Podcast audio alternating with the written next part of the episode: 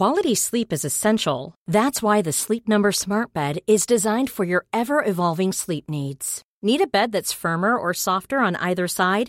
Helps you sleep at a comfortable temperature? Sleep Number Smart Beds let you individualize your comfort so you sleep better together. JD Power ranks Sleep Number number 1 in customer satisfaction with mattresses purchased in-store. And now save 40% on the Sleep Number limited edition Smart Bed for a limited time. For JD Power 2023 award information, visit jdpower.com/awards. Only at Sleep Number stores or sleepnumber.com. Millions of people have lost weight with personalized plans from Noom, like Evan, who can't stand salads and still lost 50 pounds. Salads, generally, for most people, are the easy button, right? For me, that wasn't an option. I never really was a salad guy. That's just not who I am. But Noom worked for me. Get your personalized plan today at Noom.com. Real Noom user compensated to provide their story. In four weeks, the typical Noom user can expect to lose one to two pounds per week. Individual results may vary. Hallå! Simon Gärdenfors heter jag och snart börjar min podcast Arkivsamtal. Som klipps av min redaktör Marcus Blomgren. Mycket nöje!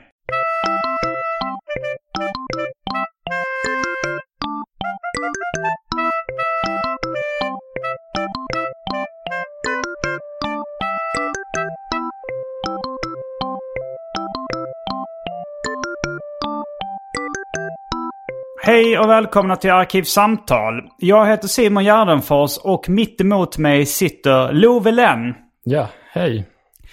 Debutant i Arkivsamtal och debutant som uh, romanförfattare. Ja. I viss mån. uh, du, um, du... Du kanske är mest känd, alltså om folk som har hängt med lite i poddvärlden och sådär. Mm. Uh, så vissa kanske har talas om det som den unge mannen som var nära att supa ihjäl sig i simmeparken. Oh, det är väl lite mitt claim to fame. Ja. Men eh, nu så har du... Eh, du har skrivit en roman. En självbiografisk roman. Ja. Och släppt den som eh, olika avsnitt i poddformat. Mm, på din uppmaning.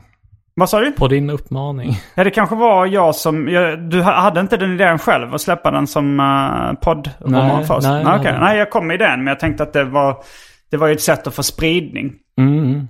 För jag, nu har du släppt alla avsnitten. Hur många avsnitt blev det sammanlagt? Eh, om man inte räknar med bonusavsnitt så blev det 17 avsnitt. 17 avsnitt. Och det blev ju det blev svinbra tycker jag. jag. Jag lyssnade på den varje vecka när den släpptes och det, var, det blev min favoritpodd då. Liksom, det var det första. Jag prioriterade den framför Snedtänkt och Vad blir det för rap och mina andra favoritpoddar. Liksom. När, när det släpptes avsnitt så var det det första jag lyssnade på. Så det, den hade, det, den hade ett... eh, den fick ett sug på något sätt. Alltså det, den berättelsen. Det är en självbiografisk berättelse du, eh, du har skrivit. Som... eh, Jag vet inte hur tjock den skulle bli i en romanformat. Men den kanske är en hyfsat kort roman. Ja, den, är- det är väl så här 45 000 ord. Okej. Blir Om du skulle släppa det i en pocket, hur tjock tror du den skulle bli? eh, jag vet inte, 200 sidor kanske. 200 sidor. Men eh, okej, vi börjar med lite grundfakta. Hur gammal är du? Jag är 21 år gammal. 21. Och hur länge har du skrivit på den här boken? Jag började sommaren 2019, så ett och ett halvt år sedan. Mm. Och kan du berätta lite kort om vad boken handlar om? Ja, eh, den... ehm, jag brukar ibland på skämt kalla det för en incel-roman. Ehm, eh, fast med vissa undantag. Nej, men det, är, eh, det handlar om... eh, det är lite så här coming of age, eller vad ska jag säga.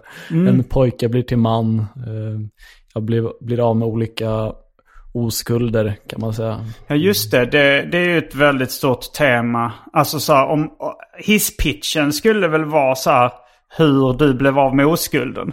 Ja, För det, det är nästan alltid en intressant historia. Jag tänker på eh, Jeffrey Browns serieroman Unlikely. Som handlar om, och det, det är liksom där, jag tror den underrubriken är How I Lost My Virginity. Och det blir också det så här, man sugs direkt in, man blir intresserad av det. Och jag, på samma sätt som jag hade svårt att sluta lyssnar på din podd så är det svårt att läsa den boken också. Du, jag tror du nämner den i podden också. Ja, eller i, precis, I precis. romanen då.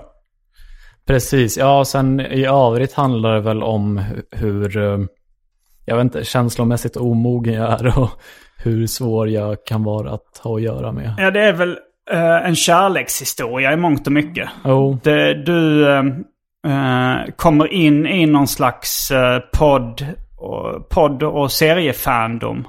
mm, Uh, Mats, serietecknaren Mats Jonsson som också är en självbiografisk, självutlämnande serietecknare är kanske den som du först kommer i kontakt med enligt uh, boken då.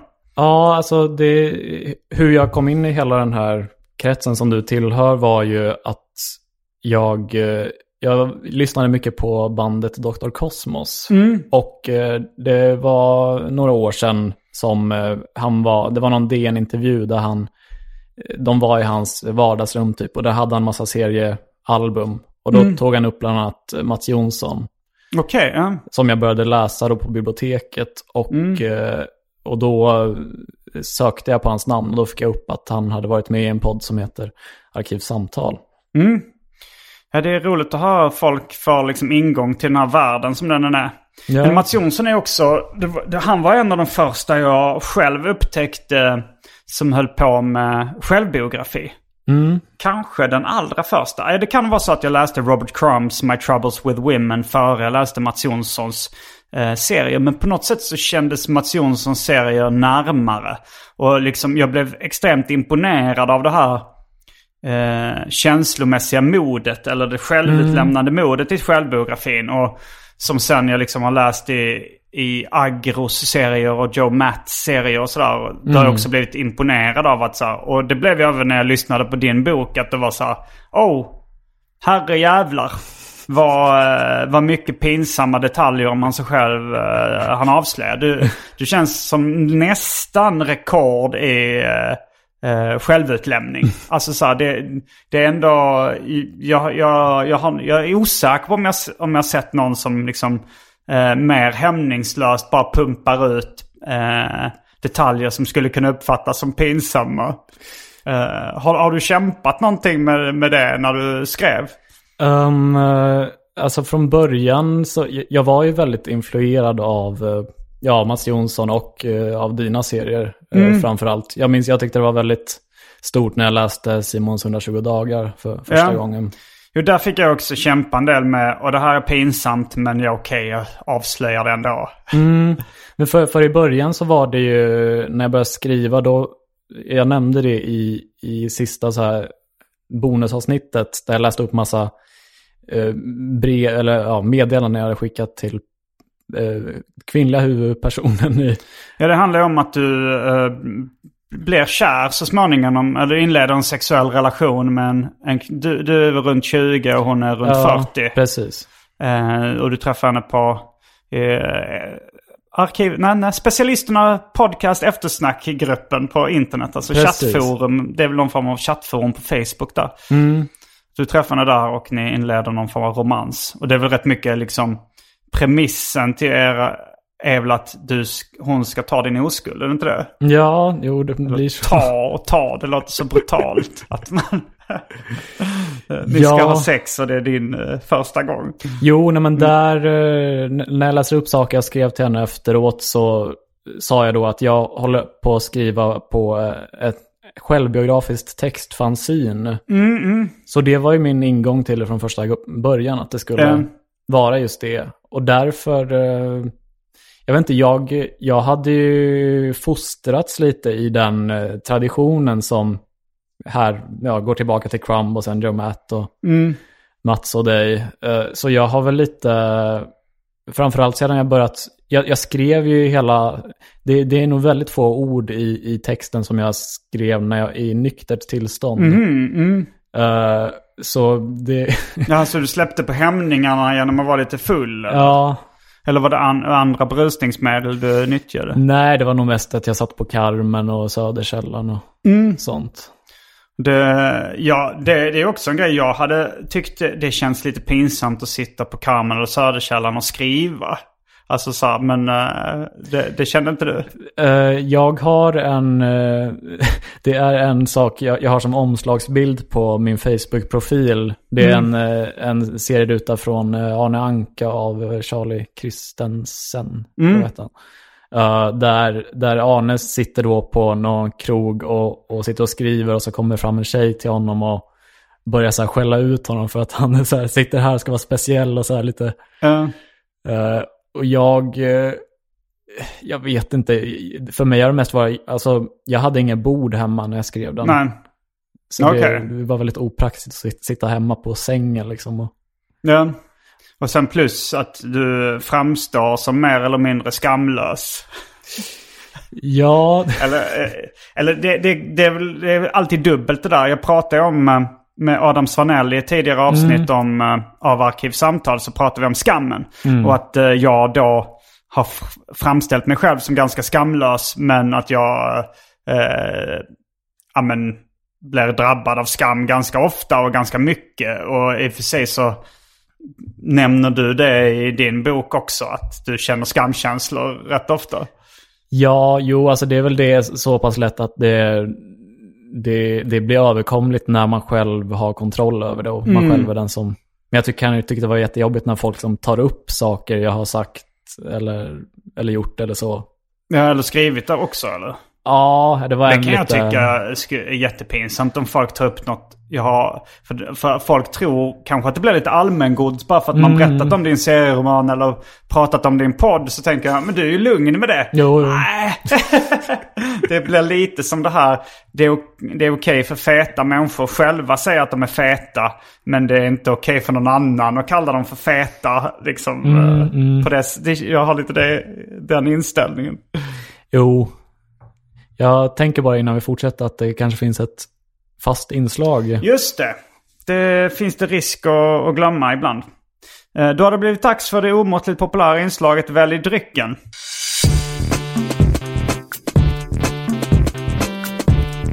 Jag tror vi börjar med det fasta inslaget Välj drycken.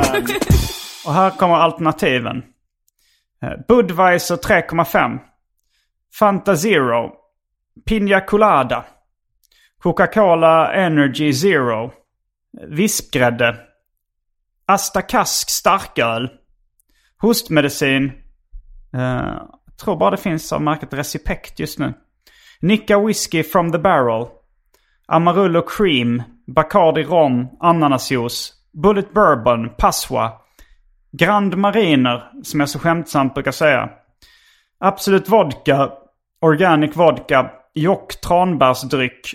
Häxblandningen, det vill säga alla drycker som fanns i min kyl innan ni genomgick en så kallad corporate rebranding. Och för tråkmånsar och nejsägare, vatten. Jag tänker på den där rommen. Eh, Bacardi. ja, kan man blanda den med något kanske? Ja, absolut. Eh, vad finns det för... eh, ja, men... Man kan ju blanda den med uh, ananasjuice till exempel. Ja. Uh, Pina Colada var från början eh, bara rom och ananasjuice. Mm. Så det blir någon slags old school Pina Colada. Ja. Men ehm, mm, du får ta det lite lugnt med alkoholen. Du, du, jag får kontrollera att du inte tar för mycket. För att eh, det första gången eh, du drack sprit eh, som jag då eh, ägde så hamnade du på sjukhus. Fick åka ambulans. Ja. Var nära att dö. Det, det, det skildrade också i den här eh, romanen som vi ska prata mer om snart. Precis. Men jag tror själv jag håller det nyktert idag och tar en ehm, Coca-Cola Energy Zero. Okej. Då är vi strax tillbaks med dryckerna kända från det omåttligt populära inslaget Välj drycken. Häng med!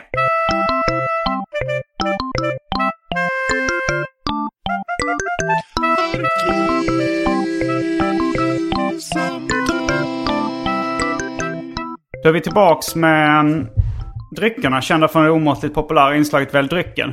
Och jag blandade, jag blandade din drink eftersom eh, du gjorde 50-50 groggar eh, i simmeparken när du då hamnade på sjukhus.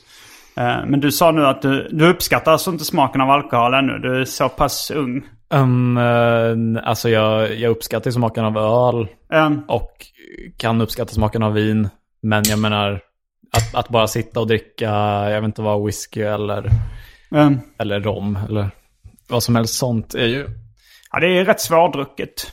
Men, eh, men jag, jag tänkte väl också det som när jag var yngre att det finns ingen som tycker det här är gott på riktigt. Att man bara låtsas för att verka sensationell. Men eh, jag kan ändå börja att uppskatta liksom viss, viss sorts whisky och bara smutta på lite grann. Ja, fast samtidigt är det också så svårt att, tycker jag, att särskilja där. För eh, det, man har liksom två faktorer där, för det blir en betingning att man blir full och glad av att dricka något. Om, om det smakar exakt likadant, men att man inte blev full av det. Skulle folk tycka... Ja, jag vet inte. Ja, man kanske hade associerat. Ja, men jag, jag förstår precis vad du menar. Det är, ju, det är ju en helt annan känsla när man blir full av det. Och, och då, då får man positiva associationer till det. Mm. Så um, mm, det är en intressant fråga. Du, jag tänkte på det någon gång när jag... Vi lärde väl känna varandra eh, kanske lite efter då simmeparksincidenten. När du var nära att dö. Ja, Eh, men jag kommer ihåg att, jag vet inte om det var du publicerade på Facebook eller Instagram eller något sånt där. Någon, eh, något bara så här om högskoleprovet. Så var det så här, den, det, var någon, det var någon nyhetsartikel du länkade till. Så här, den som fick bäst på högskoleprovet i kommunen var Love Lenn som är 19 år eller något sånt. ja. Eh, va, är du... Då blir jag ändå så här, oj du måste vara rätt eh, smart för att eh, kunna skriva så bra på högskoleprovet som så ung. Ja, eh, jo jag skulle väl tro att jag har en liksom IQ som ligger över genomsnittet. Um, eh, Vad skrev du på högskoleprovet? det, alltså det, var, det är rätt pinsamt att jag fick bäst i kommunen. Jag tror jag fick 1,85 eller något. Okej, och det var bäst i vilken kommun I? Södertälje. Södertälje kommun, okej. Det kanske jag, jag vet inte man, om man skämtar om att folk är korkade i Södertälje. Men det borde ju bli en sån Norge, Norge-historia upplägg på det. Ja, den, jag brukar säga att jag vann lite på walkover där. Mm. Det, fanns, det var inte du som var smart, det var de andra. Nej men du, du är ändå hyfsat smart för att vara så ung. Jag tror inte jag hade skrivit alls så bra. Eh, men, eh, men det är ändå... Jo men det blir ju, du ger ju liksom intrycket av att vara en ganska intelligent eh, ung man som ägnar dig eh, mycket, mycket tid fram, online framför datorn. Ja, det får man väl säga. Eh, det, det, är väl mest i, i brist på... Jag är en rätt ensam person. Jag har inte så mycket kompisar så det... Inte ens eh, nu på senare tid har det inte blivit bättre. Eh, det är väl... Jag, jag har lite svårt för att ha så här jättemycket... Jättemånga så här kompisar som man ses ibland. Jag tenderar mer att vara en sån som vill ha... Jag är lite så monogam när det gäller vänskaper. Mm. Som var rätt mycket när jag var liten också. Ja, Det kommer jag ihåg min mamma typ att eh, jag var så här kompismonogam. Att jag gillade att ha en bästa kompis som jag liksom... Eh, och sen hade jag inte så stort behov. Men jag hade också perioder när jag liksom inte umgick så mycket med folk. Men, eh, men, men, men nu, det känns som det är nya tider nu att man kan ha internetkompisar. Alltså så att, man, att det är många man skriver med eller många man... Du, men du har inte det? Alltså Eh, folk du umgås med online så att säga. Jag har väl folk som jag, man hörs med kanske någon gång i veckan eller varannan vecka. Mm. Men det är aldrig så att jag sitter hem, alltså det, det var nog många, många månader sedan jag satt hemma och skrev med någon bara sådär. För det handlar ju mycket, din roman om, den utspelar ju sig rätt mycket online. Alltså det är rätt mycket att du, eller, eller på telefon liksom, att den här romansen du hade med eh, tjejen som i romanen kallas Jenny. Eh, att det är mycket att ni skriver till varandra och, och pratar i telefon. Det är väl sammanlagda gångerna ni ses kan väl nästan räknas på, om inte fingrarna så tårna också. Jo, precis. Det är väl typ fyra separata tillfällen. Ja, det var så få. Så det är ena handens fingrar man kan räkna det på. Och sen fortsätter det lite. Det påminner ju lite om eh, The Poor Bastard av eh, Joe Matt. Det att det är så här, det, att det har liksom... Dramaturgin är det mer så här att det är en misslyckad kärlekshistoria kan man väl säga utan att spoila för mycket. Mm. Och sen fortsätter det lite med bara att eh, du men dejtar vidare och träffar någon annan och det går inte kanske jättebra heller. Och så, Nej, och så fortsätter det så. nej alltså det, det... Från början hade jag tänkt att det skulle vara så här exakt ett år. Mm, som det skulle, eh, Annars skulle jag nog ha klippt av den sista biten om man säger så. Ja. Jaha, ja. Eller det skulle ju kunna vara också min relation med den här personen. Alltså att... att eh, men det, det var ju lite som en röd tråd även i de du dejtade efter Jenny då. att att Mm, ja, det, det är en röd tråd personen. att du... Vad sa du? Den personen. Det var bara en efter. Jaha, var det bara det? Jag har Ja. att du... Ja men att du träffade någon, eh, alltså hon som heter Maja i boken. Mm. Och sen så är det någon som du träffar på Gröna Lund som... Just ja, ja. Som eh, du blir lite intresserad av. Det, kan, det blir ju inte så jättemycket kanske. Men, nej, nej, verkligen. men det känns ändå som att, ja, men precis som i, i The Poor Bastard av Joe Matt, att han så här, blir intresserad av någon ny. Jo. Du, du hade skrivit en, eller det som du kallar ditt vinterprat. Mm. Ja, du skickade till mig idag men, och jag började lyssna på det. Men det hade inte samma, liksom, det högg inte tag på samma sätt som eh, det här, eh, den här romanen som heter, heter romanen också En modern rocklåt? Ja, eh, det, det är frågan egentligen. Het, jag har skrivit liksom i, på bilden, här jag vi säga, inom parentes, det här är bara, slutparentes, en modern rocklåt. För det är en referens till en låt av indiepopbandet Bella Sebastian. De har en låt som heter This is just a modern rock song. Okej, ja. För det är lite, jag tänker på det att eh, det är lite missvisande när man, eh, alltså om man, blir, om man liksom scrollar igenom sin poddapp och ser någonting som heter en modern rocklåt. Då tänker man okej, det här är en podd om eh, modern rock. det, är det, det är det man får intrycket av. Man tänker inte att det här är en, en självbiografisk utlämnande roman. Nej, samtidigt tänkte jag i början att den skulle heta så här ett år i mitt liv 2018 till 2019. Men det är, Ja. det är en rätt dålig titel tycker jag. Ja, båda är rätt osäljiga. Jag Men, tycker jag eh, är rätt nöjd med den. Ett år i mitt liv? Nej, Eller- modern rocklåt. Ja, alltså det funkar ju när man, när man väl, när man väl, när det väl fylls med innehåll så, så tänker man kanske inte så mycket på titeln. Det är bara att den är, det är kanske lite, lite missvisande. Speciellt i poddformat. Om man ser en bok som heter modern rocklåt och sen så om den har någon form av under eh, eh, Mm. om det ska stå en självbiografisk roman av Love Lenn. Ja. Då fattar man. Ja. Jo, precis. Nej, men det... Det, det, det är så, alltså det var ju, det, alltså allt det där från, alltså det, det tog ju, tror jag, tre, fyra dagar från att jag, jag hade blivit färdig med att liksom renskriva manuset och gjort något så här första eller andra utkast. Och då skickade jag ett meddelande till dig och bad dig om man kunde liksom ta någon, ja, träffas över dagen bara, ha någon slags möte där jag skulle be, Mm. be dig om råd kring det här. Eh, Och eh, det gick nog bara så här, efter att du hade kommit med poddförslaget så tog det nog fyra dagar tills att jag släppte första avsnittet. Oj jävlar, ja det gick ju snabbt ju. Ja, så allt det där med namnet och formatet överlag var bara något som ja, tog fyra dagar att Mm, mm. planera. Ja, alltså namnet fanns inte innan dess. Nej.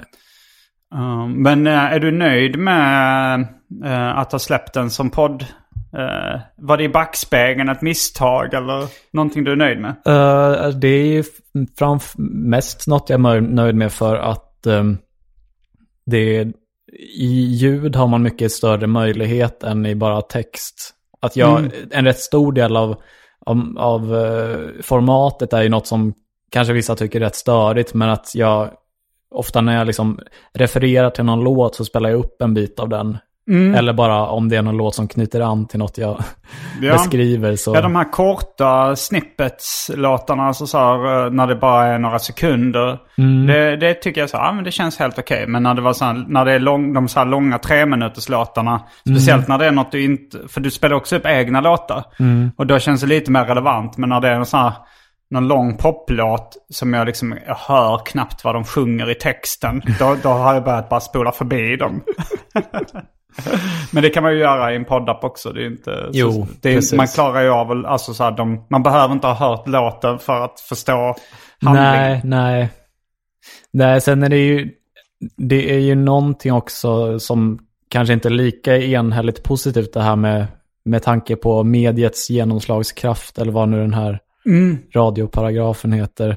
Just det, det Ja. snackar man på P3 mycket. Ja, men ju- just att det är så, för det är ändå många saker jag, eh, jag hade rätt mycket bara tankar inför det och liksom oro över att jag, för den är ju väldigt självutlämnande, men, Mm. eh, men det är ju inte bara mig själv jag berättar liksom små utlämnade Nej, detaljer nej, nej. om. Du är ganska rå eh, vad det gäller andra också. Ja. Och eh, ja. jag menar bara nu när vi sitter, jag, jag skulle misst eller jag tror nog att personen som jag kallar Jenny fortfarande lyssnar på kanske specialisterna och så, kanske även Arkivsamtal. Mm. Eh, Om du hör det här, förlåt för allt. Men hon, jag skulle, samtidigt skulle jag inte bli jätteförvånad om hon skyr mig som pesten och inte skulle klicka på ett avsnitt med mitt namn. Nej, det, det vet man aldrig. Nej. Nej, men det är ju alltid ett dilemma när man håller på med självbiografi. Just det liksom. Eh, hur mycket man ska lämna. Ja, vad- hur mycket man lämnar ut av sig själv. Det är ju mest eh, hur mycket vågar man. Det är ju sällan det eh, har några andra negativa konsekvenser skulle jag säga. Nej. Eh, det är ganska sällan folk ty tycker illa om en för, nå för någonting man har avslöjat om sig själv. Men, eh, men det här att lämna ut andra, det, det är alltid en svår fråga liksom. Ja. För att all, nästan all underhållning, speciellt eh, när det inte bara handlar om liksom eh, putslustig humor, Mm. då, då måste man väl nästan använda sig av händelser från sitt eget liv. Tror jag. Liksom. Eller jag, jag tror de nästan alla gör det. Ja. Speciellt om det ska bli bra. Jo, precis. Och det, det är något när jag själv har försökt skriva på eh, ja, fiktionella saker. Så har det alltid stannat upp i att jag kan inte skriva en, eh, en karaktär som inte är baserad på mig själv. Jag kan inte skriva dialog som inte låter som sättet jag pratar. Men, nej, men det, det finns det ju folk som kan uh, leva sig in i. Alltså Henrik Bromander till exempel är väldigt bra på att leva sig in i, i, i karaktärer som är långt ifrån honom Jo, själv. verkligen, verkligen. Men, sam, men han, lägger nu in, han lägger in mycket av sig själv och mycket av sitt liv och sina kompisar också. Alltså Mm. jag har ju hittat många historier jag har berättat för honom som liksom dyker upp i hans romaner. Alltså Mm. om jag har berättat historier från mitt liv eller från mina relationer och sånt. Ja. Som sen har dykt upp i hans serier eller romaner. Och sen bara oj, det här är exakt som det här jag berättade. Eh, Så att han använder ju sig av, eh, av eh, verkligen sig själv och, sig, och andra såklart. Även om han inte bygger alla karaktärer på sig själv. Jo. Och det, det gör inte, du, du bygger inte alla karaktärer i din berättelse på dig själv heller såklart. Nej.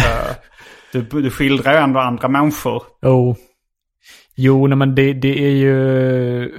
För det, det, det är liksom svårt att... ehm, för det, jag menar, det är en sak, just personen som jag kallar Jenny då, att vi har inte kontakt längre. Men, Och därför känns det på något sätt mer okej att...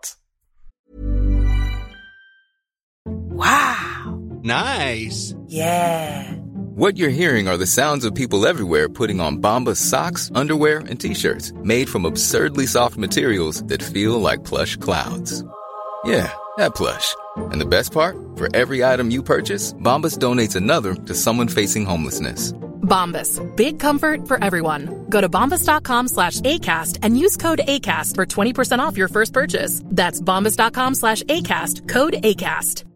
Quality sleep is essential. That's why the Sleep Number Smart Bed is designed for your ever evolving sleep needs. Need a bed that's firmer or softer on either side? Helps you sleep at a comfortable temperature? Sleep Number Smart Beds let you individualize your comfort so you sleep better together. JD Power ranks Sleep Number number 1 in customer satisfaction with mattresses purchased in-store. And now save 40% on the Sleep Number limited edition Smart Bed for a limited time. For JD Power 2023 award information, visit jdpower.com/awards. Only at Sleep Number stores or sleepnumber.com.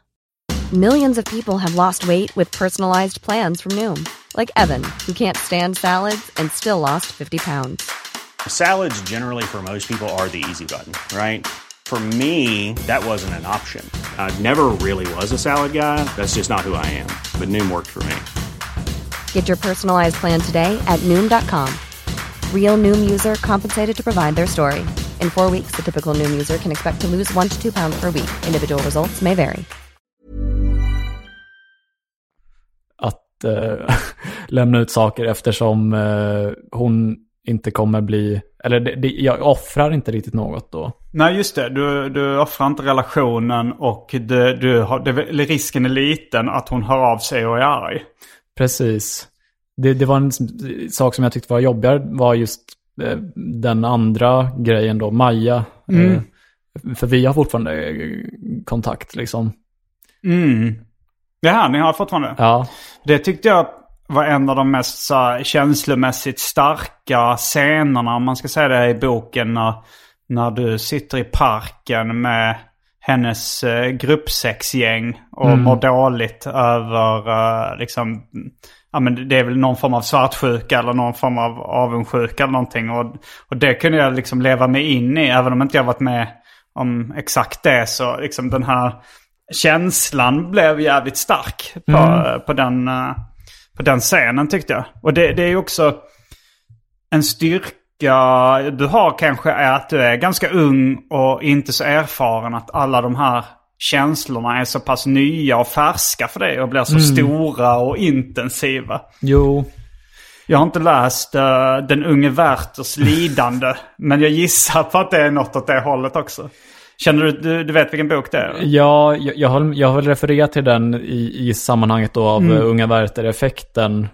För... eh, Vad ja, är Den Werther-effekten? Det är ju så här att det handlar om medieexponering vid självmord. Att, Mm. det, att folk kan bli inspirerade av... Okej, unge Werther begick självmord Ja. och sen var det många som... Det blev en våg av uh, Ah, självmord. har du läst boken? Nej, det har jag inte. Men, Men- men det- självmord det- är ju också ett genomgående tema i, i din bok. Ja, det kan man säga. Eh, Och det känns ju som en så här lite tonårs uh, emo-grej också. Liksom tankarna kring det och... Ja, jo, alltså det är något jag är lite så här generad över att det känns så... Det känns inte på riktigt eftersom jag är så ung. Ja, men samtidigt så, eh, alltså... Samtidigt så skiljer jag också, skiljer jag också min bästa kompis som faktiskt tog livet av sig. Så Ja, det stämmer ju. Men, men sen är det ju också att eh, det känns ju på riktigt för att du har ju de här tankarna och känslorna och eh, eh, du skildrar ju dem bara som du känner dem. mm, Och eh, hade du försökt vara mer mogen när du skrev liksom på något sätt. Då hade du inte blivit lika äkta och inte lika bra. nej, Så det, det, det är det som är styrkan, att det ligger, att, att du bara skildrar rakt upp och ner och ärligt hur du tänker och känner. Och sen krävs det ju också en viss eh, övning eller språkförmåga sådär. Jag gissar på att du har blivit bättre på att skriva. Alltså, det, jag, jag har ju inte hört hela det här, den första. Jag vet inte om det var det första litterära verk du publicerade, det som du kallar ditt vinterprat. mm, jo det var det. Men vad det för det, för det är nu när du berättar om det i den här nya boken så verkar det ju vara lite en liknande historia. Att det är en historia om olycklig kärlek. Men det var ganska, när jag lyssnade på det i början så var det ganska långa så naturbeskrivningar. Jo, jo. Och det var då jag bara sa, nej det här orkar jag inte höra. Jo, nej, men när jag lyssnar på det nu så skäms jag ju lite över hur dåligt det var. Eh, Mm. Och, var, på, och var det att det var inte underhållande eller vad var det som... Nej, men det var, jag vet inte, det, det är svårt att sätta finger, men det är bara när man, alltså det måste känner nog alla igen sig när man kollar tillbaka på något man Ja. själv gjorde för x antal år sedan. Jo, absolut. Och bara jo, tänker att jag, jag skulle inte ha skrivit sådär på, på det sättet liksom idag. Nej. Eh, men eh, men det, det är också, ja, det är, man skäms ju lite när man kollar på gamla grejer. Men det är också kul att känna att man utvecklas och blir bättre. Mm. Eh, för du har väl, du, du funderar väl på att fortsätta skriva? Du nämnde någonting om det i slutet på podden. Ja, jo men jag har skrivit en hyfsad bit, liksom kanske en, en tredjedel eller lite mer. Och jag har börjat skriva ännu mer de senaste, den senaste veckan typ. Och när, när jag sitter och skriver det så känner jag ju typ att det här rent eh, textmässigt så är det bättre än, än en modern rocklåt. Även Mm. om liksom det inte är lika spektakulärt kanske. Vad handlar den nya boken om då? Eller för det ska bli en ny bok eller? Ja, precis. Det är väl bara ytterligare en relation som skildras. Mm, mm.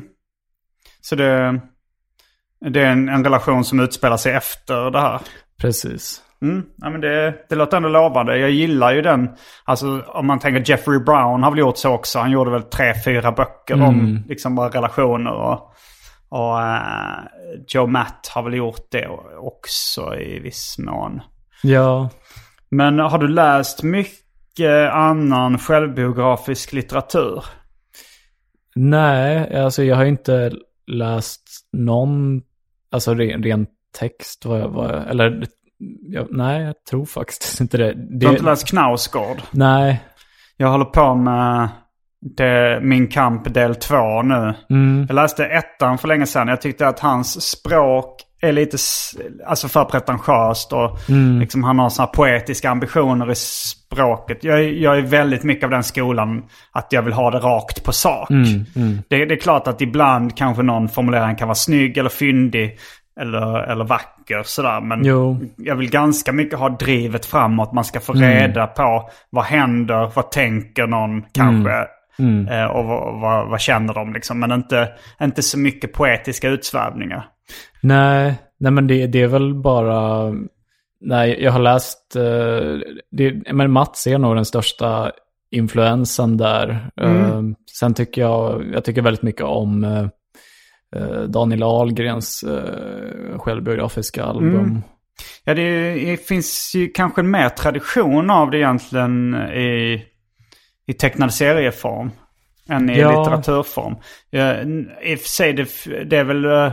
Jag vet inte, Åsa Linderborg eller någon sån släppte väl någon självbiografisk roman nyligen. Jag har inte läst den dock. Och det, det är nog ganska många. Jag köpte, jag köpte just uh, Brett Easton Ellis. Han skrev en, eh, hans, en, jag vet inte om det är en roman eller bara en bok. Jag har inte hunnit läsa den ännu. Som heter White. Som är hans eh, första då non-fiction roman. Eller först non-fiction bok. För han, men han skrev, han skrev liksom Vissa av hans stories är ganska realistiska. Kanske American Psycho är ju hans mest kända bok och den är inte helt... eh, Nej. Den är lite mer... eh, inte lika trovärdig. Nej. Ifall det nu inte den här tolkningen som, jag, som att eh, de här morden och sånt i American Psycho, att de bara försiggår i hans fantasi egentligen. Det är ju en tolkning av den som jag är lite osäker på om den... Ja, det känns bara löj, löjligt när folk med som, kommer med sådana.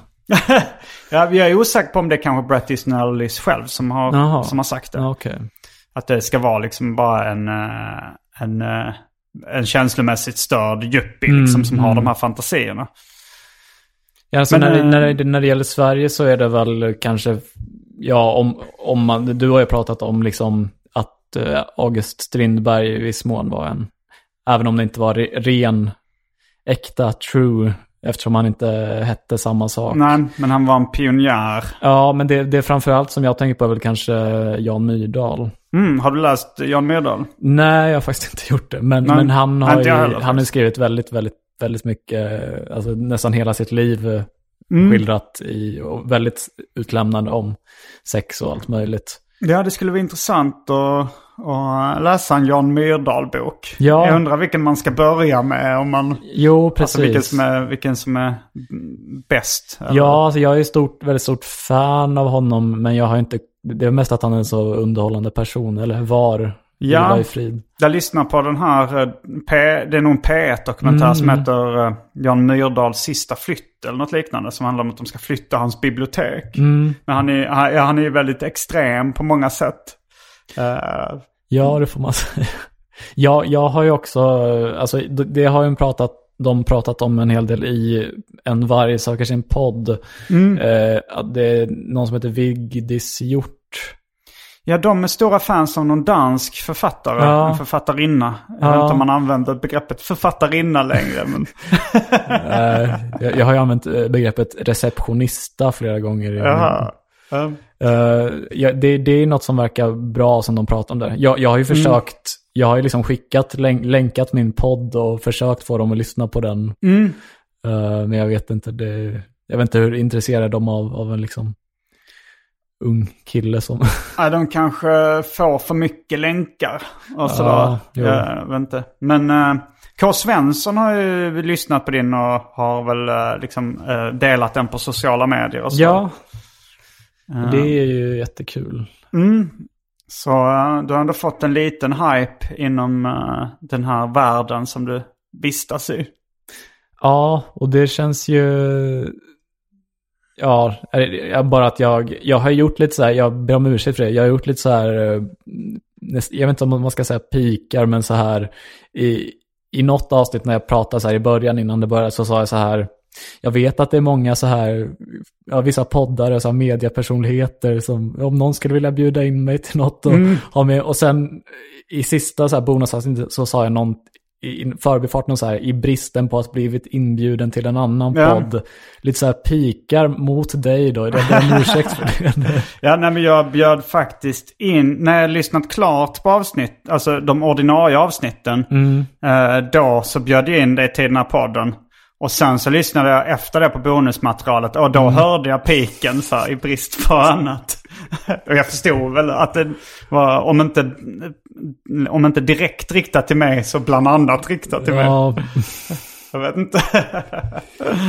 Men eh, ja, det är, det är många som vill vara med i Arkivsamtal. Jo, Det, jo. är, det är jättemånga komiker och nära vänner och så som Jo. aldrig har varit med. Och Jo. ibland, så, ibland beror det på ren eh, slapphet också. Att det är lättare att ha de här gästerna som eh, man vet funkar. Som det alltid Mm, blir bra snack med. Och så att det blir ja, men lite som att jag har eh, en fast ensemble. jo, Lite som Seinfeld eller någonting. Att det finns ett, ett gäng som alltid återkommer. Och sen så ibland är det kanske någon ny karaktär som dyker upp. Ibland. jo, nej men och det, ja men jag tycker det är jätte, jag är ju en inbiten lyssnare eller vad man ska säga. Mm. Du har lyssnat på alla avsnitt. Eh, jag har faktiskt inte gjort det sedan du började med temaavsnitt. Um, eh, jag, jag vet inte, jag, jag tycker nog lite charmen i, eller ja, nej jag ska inte liksom säga något negativt nu när jag är inbjuden här.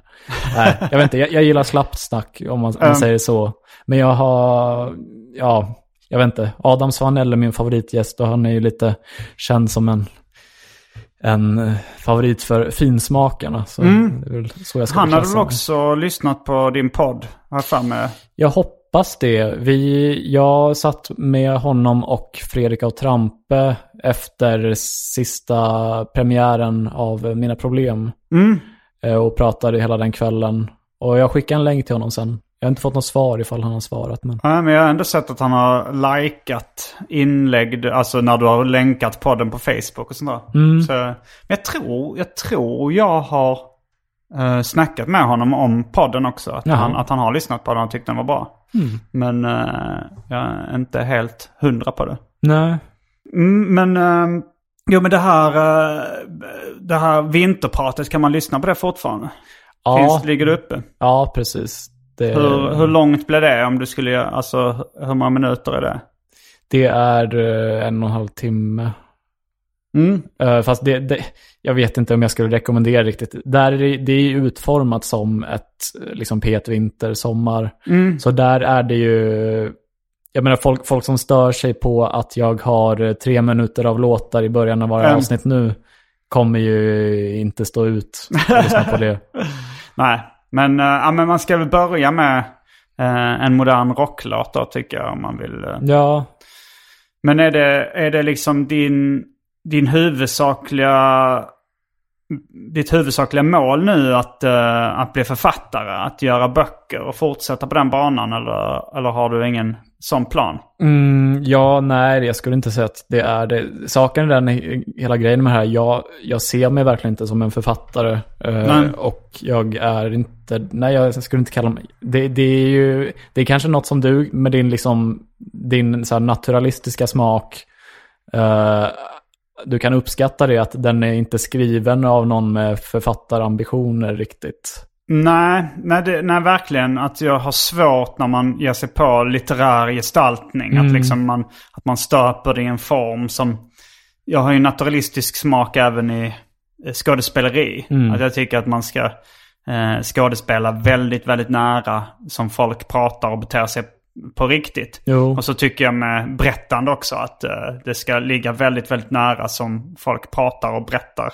Mm. Man kan inte bara vara med alla ö och upprepningar och sådär Nej. i text. Eftersom man har lite bättre möjligheter att redigera det. Men, eh, men jag har ju naturalistisk smak. Mm. Och, men sen blir det ju säkert att, eh, att även om om du, skulle, om du fortsätter att skriva då så tror jag ändå att ditt språk skulle slipas. Att det skulle ändå bli eh, stringentare. Eller vad man ska säga. Att nu är det ändå, det flyger iväg åt lite olika håll. Att liksom du slänger in lite internskämt, lite, lite eller så här. Eh, att, och det, och det, det funkar ju, men jag tror att på samma sätt som en tecknare får en stil som känns mer enhetlig och driven efter ett tag så är det som ett språk också. Att det, Jo. att det blir mer slipat liksom. Jo, nej men det är... Eh, hela skrivande grejen för mig handlar ju om en sak och det är ju bara att, att jag eh, är en så, på något plan, liksom person som inte mår så jättebra rent mentalt och, och spe- speciellt inte liksom hanterar uppbrott på ett bra sätt. Eh, så, eh, jag menar, om, om vi säger så här, jag, jag har skrivit den här bara för att liksom kunna få ur mig allt och lägga det bakom mig, om man säger så.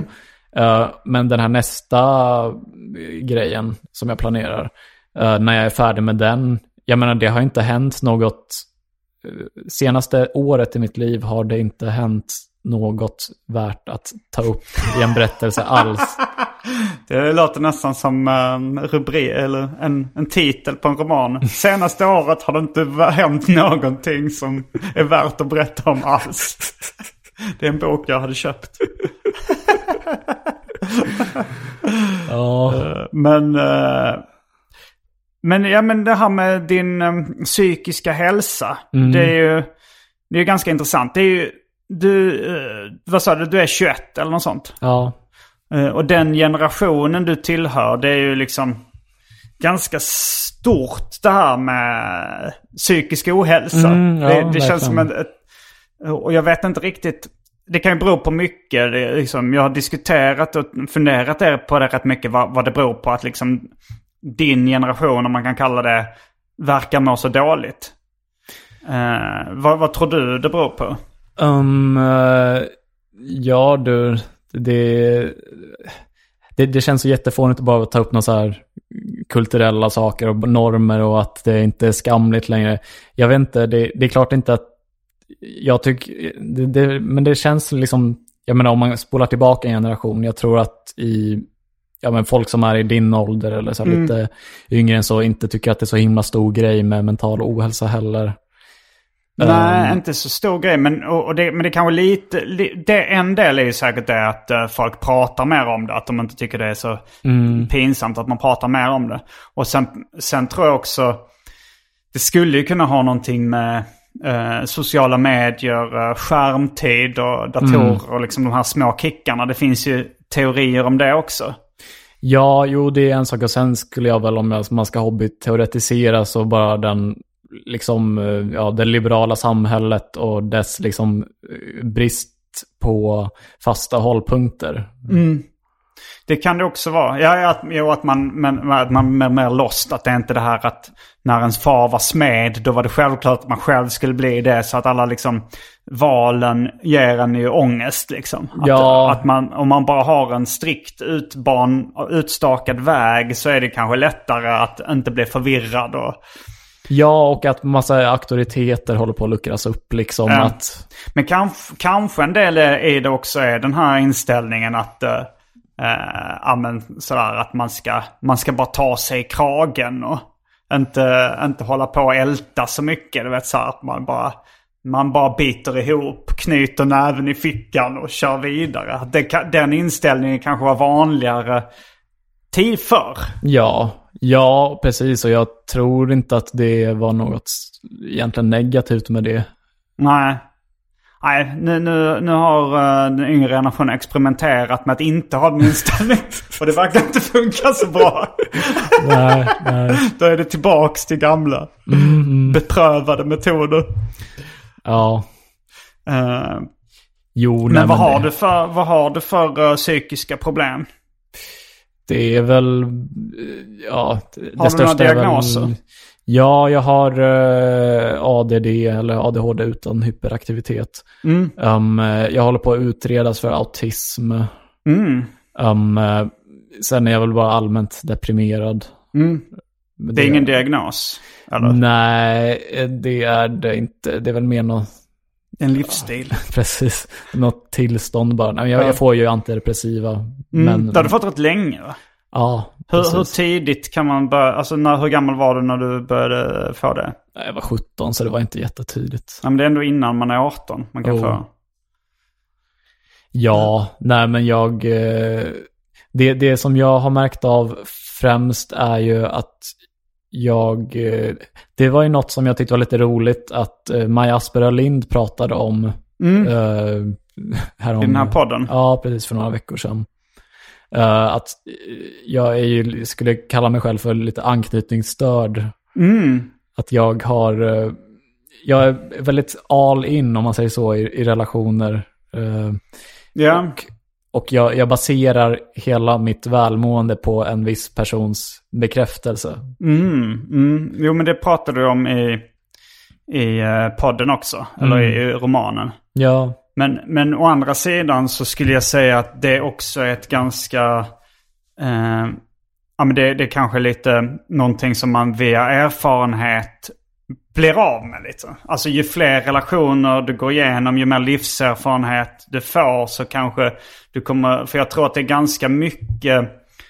Ganska mycket så i början. Alltså, eh, eh, jag har ju nämnt eh, eh, titeln Every girl is the end of the world for me. Av mm. tidigare nämnde Jeffrey Brown.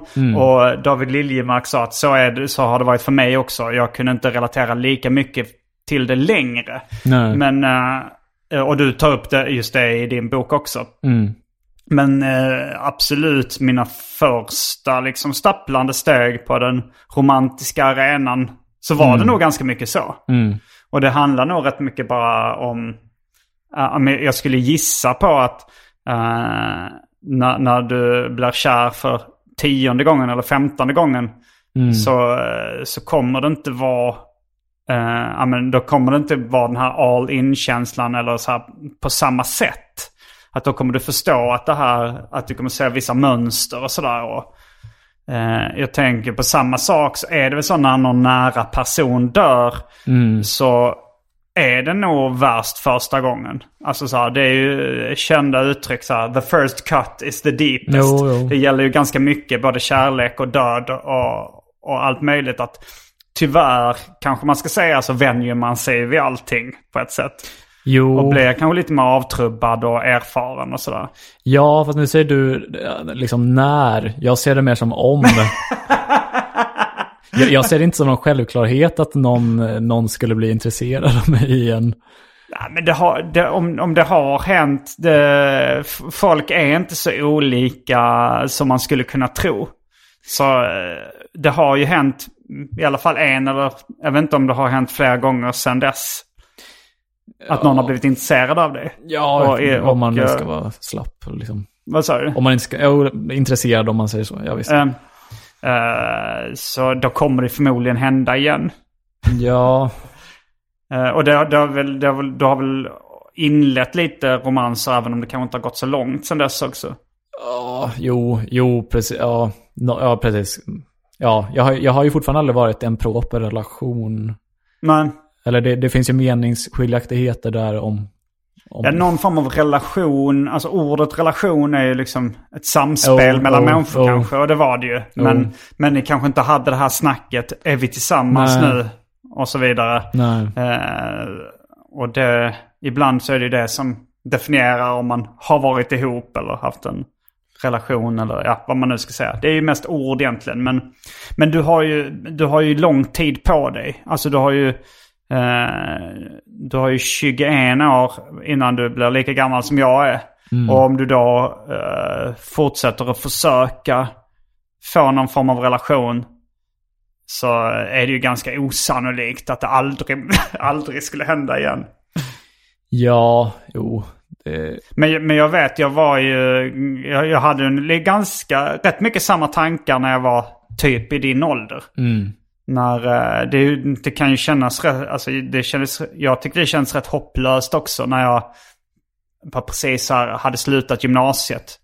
Då, då, te- då hade jag också sådana tankar att nej, jag kanske aldrig kommer att bli ihop med någon. Ja.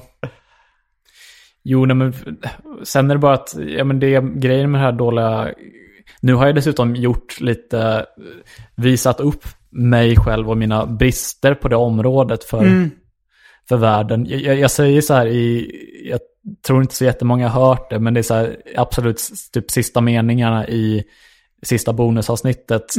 Så säg, går jag ut och säger att jag är single and ready to mingle. Ja, det är någon form av kontaktannons i slutet. precis, Ja. precis. Ja, det är ju ganska roligt för det blir, det, det är också verkligen så här testiklarna på bordet eh, känsla. Ja, fast samtidigt är det fullt allvarligt. Ja, ja, det förstår man ju också. ja, att du ja. hade ju inte tackat nej ifall, ifall det var någon som uh, ville gå på dejt. Nej. Eller något sånt där. Nu tänker jag nu, därför, jag har ju slips på mig nu och, och Ja, du har rakat klätt upp det lite. Precis, jag måste ju se snygg ut på bilden. så. Ja. Jo, men det, det är väl... Eh, det är väl lite dubbelt där för att liksom... Ju, det, fin- det finns ju kanske... Det finns ju dels en po- poäng lite med att spela lite svår. Alltså så här, att, att ge ett desperat intryck. Det kan ju också förstöra lite ens chanser. Jo, jo. Men samtidigt om man går över gränsen och blir extrem i det. Då kan det nog bli lite coolt och attraktivt till slut, tänker jag. Precis, det, men det, man, man får lite så här bad boy-poäng och så här, eh, vill jag ta livet av sig. Här är en kille som skiter i allt. Precis. ja. Jag vet Mm. inte. Men, eh, men har du, ha, hur har du mått på sista tiden? Har du mått bättre eller sämre? För alltså så här i, i den här eh, boken då så mår du periodvis väldigt, väldigt dåligt. Mm, Men har du mått, börjat må bättre sedan dess eller har det varit upp och ner? det har väl, jag har ju på något sätt, när jag, alltså när jag har ge- genomarbetat eh, texten, manuset och podden, Mm. så har jag på något sätt genomarbetat det som har hänt och det har gjort att jag typ har kommit över den här personen som jag kallar Jenny. Mm. Um, men då, då är ju bara det att, okej då, jag har ingen, alltså det enda sättet för mig att få någon slags mening i tillvaron är att ha en person att fokusera på. Men eh, du sa ju något tillfälle också att responsen för podden slash romanen hade, eh, att du kände dig lite hög på det. Ja, Det kan Eh. inte höll i sig så länge. jo nej, men det, det är väl något man får i korta kickar. Men jag går runt och liksom, jag känner inte att det finns någon mening med livet och så. Du känner Det- inte det? Nej, nej, nej. Inte ens nu liksom då om du har hittat ett format att uttrycka dig på som du dessutom får uppskattning för. Även om uppskattningen kanske inte har kommit till så jättestora portioner hittills. Då borde ju ändå den, eh, med risk för att låta pretentiös, att konsten är ju någonting att leva för då. Ja, men det, är- för mig är det ju inte ett eh, ändamål i sig, utan det beror ju helt på vad det är, vi- vilken karaktär den positiva responsen tar. Ja men du, får ju, du har ju fått kickar av den liksom, den positiva responsen. Jo, Och eh, du får ju kickar, alltså nu, nu kan jag säga kickar som liksom positiva känslor. Oh. Och du får kickar och positiva känslor av eh, kärlek och relationer liksom, eller uh, romanser och sånt också. Eller, och och det, det är väl i, i mångt och mycket eh, de positiva känslorna man är ute efter i livet. jo. Så då... eh, Jo, men det av någon anledning så har det har aldrig givit mig alls lika mycket liksom den typen av bekräftelse eller erkännande om man jämför det med, med en eh, sån av liksom romantisk eller sexuell karaktär. Nej. Nej, men sen kan ju... Det är ju ofta också att eh, konst eller underhållning och sånt leder till att man blir mer attraktiv. Jo, det finns ju en poäng. Ja, en poäng i det, Det- också. det- det det kan ju- bli dubbelverkande. Det är det jag satsar på. Ja, det, är roligt för att det är en ganska osmickrande sak att erkänna att man tänker. Alltså jag har ju, jag har ju erkänt det själv också. Men, Ja. men det är ju ganska få som, eh, som pratar högt om det. Ja, men det, ja, det känns lite smutsigare om man är en person som får mycket uppskattning om, eh, och liksom uppmärksamhet från kvinnor via det.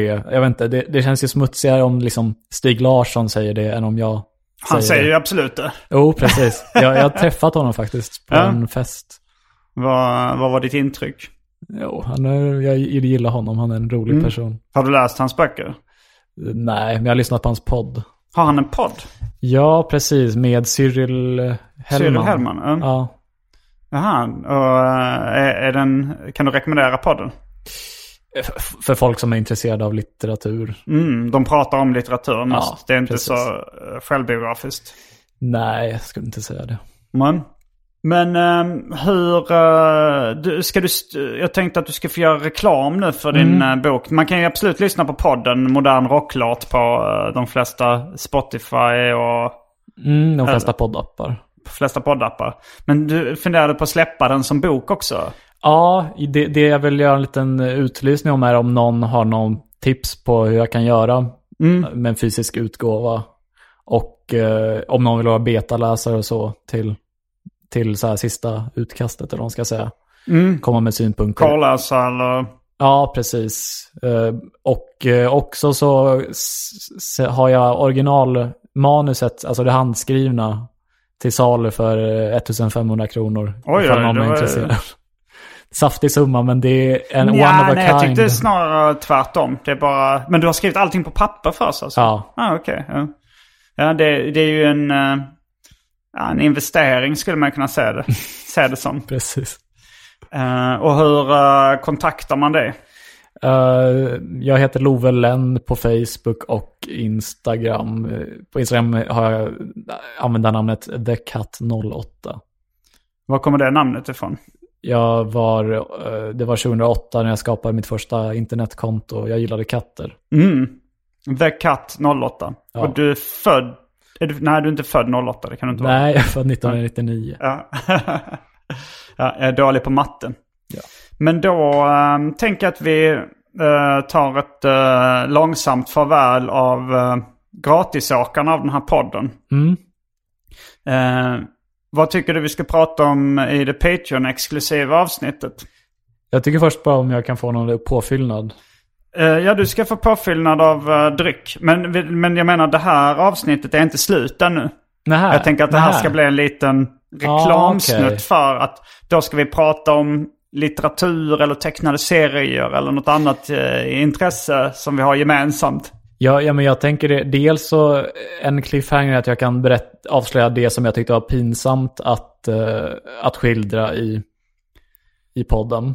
Ja, jag kan berätta också vad jag tyckte var eh, där, där, det, där jag tyckte, oh, där, det där var lite, lite mm, att ta i. Ja. och, eh, och också när, när jag, eh, jag fick lust att berätta när jag upptäckte Megapyton som treåring. Ja. ja, men det låter som bra cliffhangers. Varje vecka så släpper jag numera ett bonusavsnitt av Arkivsamtal som är exklusivt endast för Patreons av podden. Om du donerar en valfri summa per avsnitt så ligger det över 25 exklusiva avsnitt och väntar redan som du får tillgång till. Så det är klart värt det.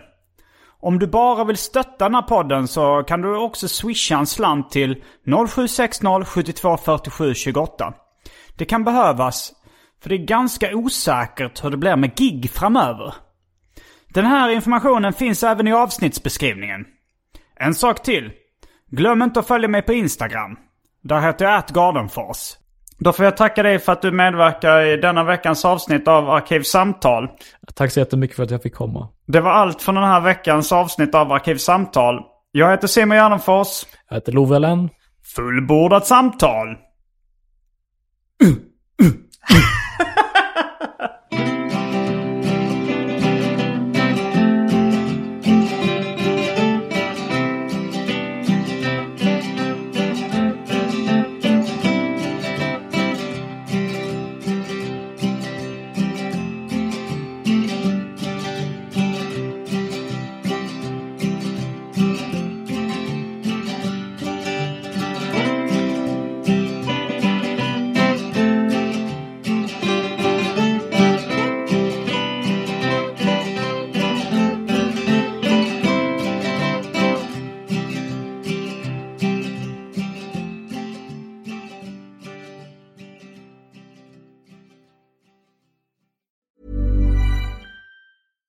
Hey, it's Paige DeSorbo from Giggly Squad. High quality fashion without the price tag. Say hello to Quince.